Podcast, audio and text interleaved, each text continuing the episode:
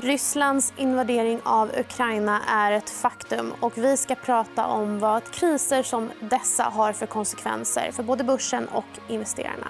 Välkomna till EFN Marknad.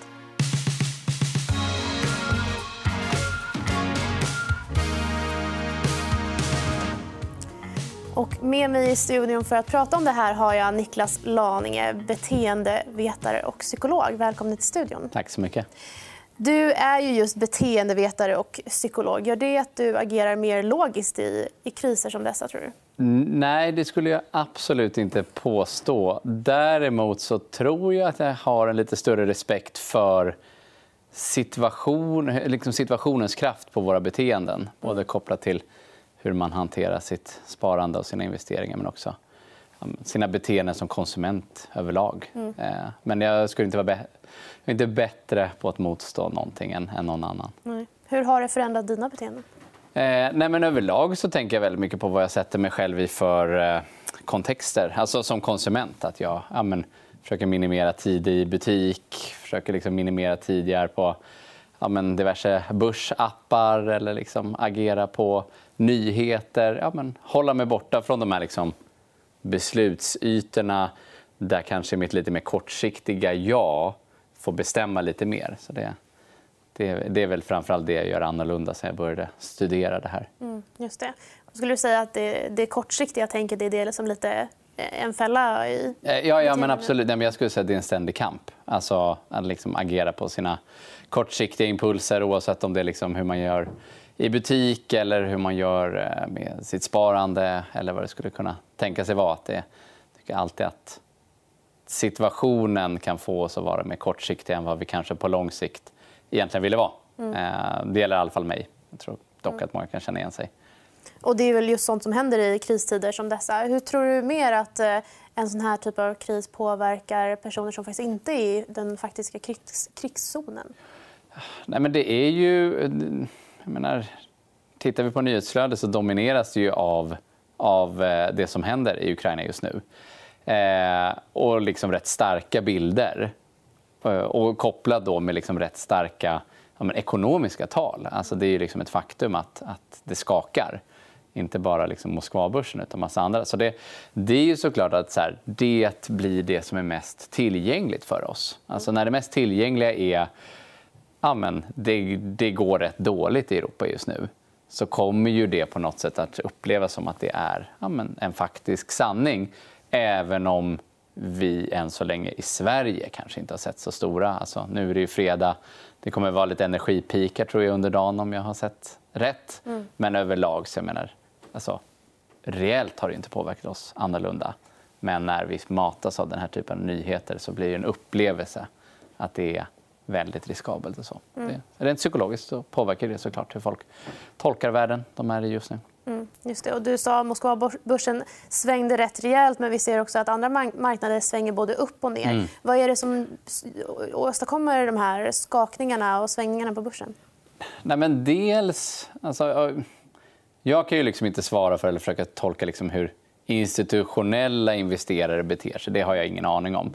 Eh, men om vi tittar på hur det är för liksom privatspararen eller privatinvesteraren så har det ju för väldigt många av oss blivit otroligt lätt att liksom agera snabbt på nyheter. Mm. Jag menar, det är väl... Ibland brukar jag tänka att det är bara tio år sedan då vissa banker inte ens hade en app och vissa banker hade de här skrapkoderna mm. för att logga in. Nu kan liksom alla, oavsett om det är via Robinhood i USA eller om det är via Avanza eller Nordnet eller ja, vad det nu kan vara eh, här i Sverige så är det ju väldigt lätt att agera. Mm. Så det, det skulle jag nog ändå kunna tro är en liten liksom, fälla här att, att det är väldigt lätt att liksom, agera på sina impulser. Eh, vare sig liksom att det är en impuls att ja, men nu vänder det eller en impuls att nej, men nu går allt åt helvete. Mm. Så det tror jag är en stor del. Och sen eh, kan vi liksom inte blunda för det faktum att det, det är ju ganska många eh, oerfarna investerare som, som eh, är på börsen just nu. Både liksom i Sverige, USA, över hela, hela, liksom den, ja, över hela världen. Så, så de kanske är lite mer mottagliga för, för att agera på ja, men, ska man säga, lite reptilhjärnan. Mm. Så. Och I och med din jämförelse för tio år sedan, tror du att det är väldigt annorlunda just nu för att vi just har fått ett stort uppsving på börsen de senaste åren? Det har kommit in mycket nybörjare på börsen jämfört med hur det kanske var i börs... en krasch eller svängningarna som skedde 2008. Nej, nej men absolut. Det, eh, det är ju en gammal sanning. Liksom, att ja, men, ju bättre det går, desto fler, eh, desto fler eh, vill in på börsen. Mm. Och då är det liksom inte bara så att ja, men vi har den gamla sanningen eh, och den psykologiska drivkraften när alla pratar om hur bra det går. Det är såklart att man inte vill, vill missa. Alltså det här klassiska fear of missing out är ju mm. verkligen liksom, fin psykologi. Eh, men så får vi inte glömma att det har ju varit jätteenkelt för, för alla. Jag menar, man, man hör ju om liksom, gymnasieungdomar som har liksom, eh, ISK eller kapitalförsäkringar som kanske via sina, som de håller på att tradar och håller på. Eh, så det är ju, återigen det, är det här, en tid med kraftig uppgång, det drar till sig eh, eh, intresse och det är så otroligt lätt att liksom, eh, va, det har varit väldigt lätt att vara inne på börsen. Mm. Och de här nybörjarna är ju ja, men lite mer benägna att, att bete sig fel när det skakar. Så är det bara. Mm. Och det är för att man agerar mycket mer kortsiktigt än vad man kanske borde göra? Jag skulle säga dels liksom att, att man har kanske lite mindre is i magen. Alltså det är en mänsklig drivkraft att vilja minimera ångest. Mm. Alltså det är inte konstigt. Om man ser ett hot då vill man bli av med det. Eh, om man ser en oro ja, men då, då kanske man vill sälja mm. så man slipper att det går ner mer. Dels det. Men sen också, är man nybörjare så är man mycket mer benägen att titta på hur andra gör. Så den här liksom flockmentaliteten uppstår ju när det är ganska många oerfarna som inte riktigt vet vad man ska göra just nu. Och då hör man att ja, det säljs, det störtdyker. Ja, men då väljer man att göra som alla andra. För det har väl på något sätt varit liksom en, en, en, överlevnads, eh, en överlevnadsinstinkt som man använt sig av tidigare. kanske. Mm, just det. Och hur skulle du säga att den här flockmentaliteten påverkar oss om man kollar på ett, ett större perspektiv på den ekonomiska eh, marknaden? Ja, nej, nej, men eh, vi kan ju liksom, man kan ju ta det hela vägen från, från konsumentbeteenden vi ser just nu och vi såg dem under pandemin också. Mm. Eh, då bunkrade ju vi här i väst toalettpapper. I, I Asien bunkrades ju munskydd redan i januari 2020. Mm. Eh, och, och, det är återigen så där, man gör det för att alla andra gör det och sen förstärks det av liksom, att det skrivs om det i media, att det delas i sociala medier. Vi kan ju se på ett annat sätt vad andra gör. Vi kan se hur många ägare aktier har via Avanza eller Nordnet till exempel. Så man kan verkligen se vad andra gör och det är nog inte helt bra. Eh, så när, när, liksom, ja, när vi är i kris, återigen, man är lite osäker på hur man bör bete sig och då väljer man att göra som alla andra. Så när man hör att priset på jodtabletter skjuter i höjden, man hör att vevradios har sålt slut på Clas Olsson och så vidare, ja, men helt plötsligt så kanske man sätter upp en liten bevakning på det.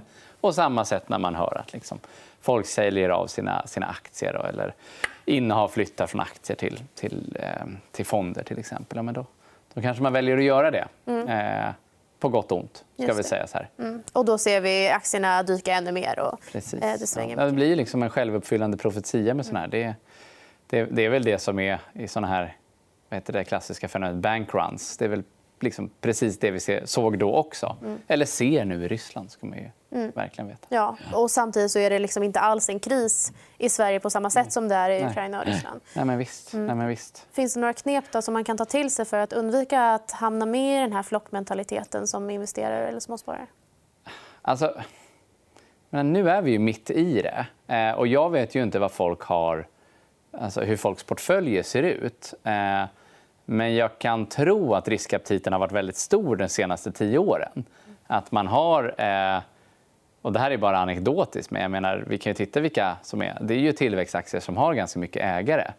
Eh, så det är frågan vad man ger för råd till dem nu när det liksom har skakat sen årsskiftet. Det jag däremot skulle vilja skicka med är att så här, alltså, försök zooma ut nu och titta på dina beteenden. Alltså, är, du, är du en person som har tagit för mycket risk? Det vill säga, du upplever liksom en kraftig förlustaversion, det vi kallar det för. Alltså, det här känns riktigt, riktigt jobbigt. Du har liksom inte den isen i magen du trodde att du skulle ha. Alltså, kom ihåg det. Och, och, och, låt din portfölj spegla det sen när det väl är lite lugnare. Mm. Att du kanske inte är personen som ska ha liksom 99% aktier varav liksom 90% är tillväxtteknikaktier. Utan du kanske var mer av den personen som skulle ha mer fonder. Men så det, det är ett litet råd för framtiden. Eh, men sen så skulle jag väl liksom, alltså, kanske försöka finna lite trygghet i de klassiska börskurvorna. Att så här, ja, men det, det är tid på marknaden som spelar roll, inte liksom timing. Mm. Eh, och, och slitet uttryck, men så här, sitta still i båten. Eh, men det, det, är ju svårt att säga till den som har eh, haft en väldigt, väldigt risk riskaptit eh, de senaste mm. tio åren. För då kanske det var läge att, att skifta sen tidigare. Men, mm. men för att summera, alltså så här, titta, se nu hur du reagerar. Alltså får du otroligt mycket ångest av när det är så här svängigt, kom ihåg det och låt ditt sparande reflektera eh, det. Mm. Snarare än att ha ett sparande som reflekterar att vi har haft en otrolig uppgång de senaste tio åren. Mm. Så se över ens strategi kanske och förstå mm. att man eh, kan nästan ta med sig lite lärdomar för hur man beter sig kring ja. sin egen risk, ja. aptit och hur man själv skulle kanske placera sina ja, ja, men verkligen. pengar om det ja, men var verkligen. så att man följde ja. Men, men, sen så kan jag också tänka mig att det är många använder liksom att logga in och kolla hur det går för en sparande eller en tjänstepension för den delen också som ett försök att reducera ångest. Mm. Och I dagsläget när det är så volatilt, eh, eller kanske till och med liksom mer negativt än positivt då kanske det är läge att typ radera de där apparna. Alltså, de är kanske lite för lättillgängliga. Mm. Om det ändå bara blir någonting som snarare ökar din oro och ångest istället för att stilla den. Så, så här, ja, men, fokusera på nåt annat. Plocka upp ett instrument, lär dig spela gitarr, vad vet jag. Gör nåt annat än att vara inne på liksom din, din mäklarapp mm. eh, tio gånger per dag. Ja. Så se över din riskaptit, kanske radera mm. de här apparna. Är det några ja. sista råd du vill ge till de privata spararna där hemma som sitter och lyssnar? Nej, men, eh, liksom, överlag ett råd som den typen av psykologer som jag försöker skicka med, skicka med folk oavsett om det är arbetslivet eller privat. Att liksom, vad vi människor tolkar som liksom statistiskt sant är hur lätt vi kan minnas det. Mm. Så om vi har liksom väldigt lätt just nu att se liksom de här bilderna från, de hemska bilderna från Ukraina, se börskurvor som faller. Eh, alltså, och det är ju ett faktum. Det är, liksom, det är verkliga nyheter. Men det ger ju inte hela bilden av hur det är i världen just nu. Men bara för att de är mest tillgängliga, och det är inte konstigt att de är det, så är det väldigt lätt att vi tror att allt är på väg neråt. Sannolikt är det ju inte så, utan vi har ju fortfarande en värld här. Alltså, det finns ju andra saker också. Så det, det är lite ett råd som jag alltid försöker skicka med. Det som är lätt att tänka på behöver inte vara liksom det sanna, det som gäller för allting. Det mm. statistiskt sanna. Väldigt bra råd. Tack så jättemycket Niklas Laninger för att du kom hit idag. Tack för att jag fick komma. Och vi är tillbaka som vanligt på fredag och då pratar ARA investeringscase. Missa inte det.